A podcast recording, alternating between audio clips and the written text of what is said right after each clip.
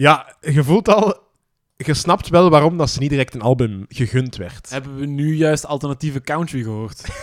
Ja, dat is eigenlijk een heel mooie beschrijving. zoiets, zoiets achtigs. Dat is echt... Ja, misschien wel, ja. Maar ja, dus vandaar folkbands, wel. Surf Rock en Husker Du. Ik denk dat dit letterlijk is wat je krijgt als je die drie mixt. Heerlijk. Ja, maar goed, uiteindelijk mogen ze dan een debuutalbum uitbrengen. Dat is Surfer Rosa. Daar staan al twee fantastische singles op. Aha. Gigantic. Gi- gigantic, wat zeg ik nu? Gigantic! Ja, voilà. Gigantic! Where is My Mind staat ook daar al op. Ah, dat is ja? hun bekendste nummer en dat staat ook in de top 100 Oké. hè, van de tijdloze. Ehm, heel typisch van hun stijl is tegen dan al zo de zang van Frank Black en Kim Deal, die zo'n beetje samen eh, zingen. Ja. En die vocals van Kim Deal zijn voor dat eerste album ook opgenomen in de badkamer nog. Maar- Omdat, ja, toen had ze niet zoveel geld. Ehm, ze werkte wel samen met ene Steve Albini, die in de jaren 90 met enorm veel alternatieve rockbands heeft samengewerkt. Nar- Nirvana, Fugazi, PJ Harvey, Pixies, noem maar op. Steve Albini is heel typisch geworden voor, voor eh, een deel van de jaren 90 sound.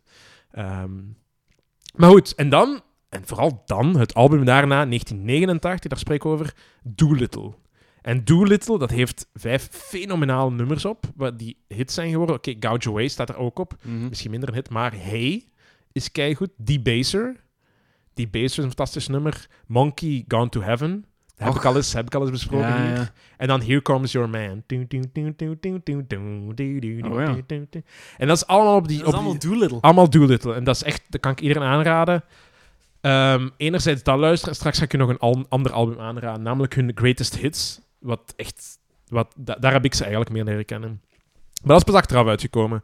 Ehm, dus, dus 1989, Doolittle uitgebracht. Fenomenaal album.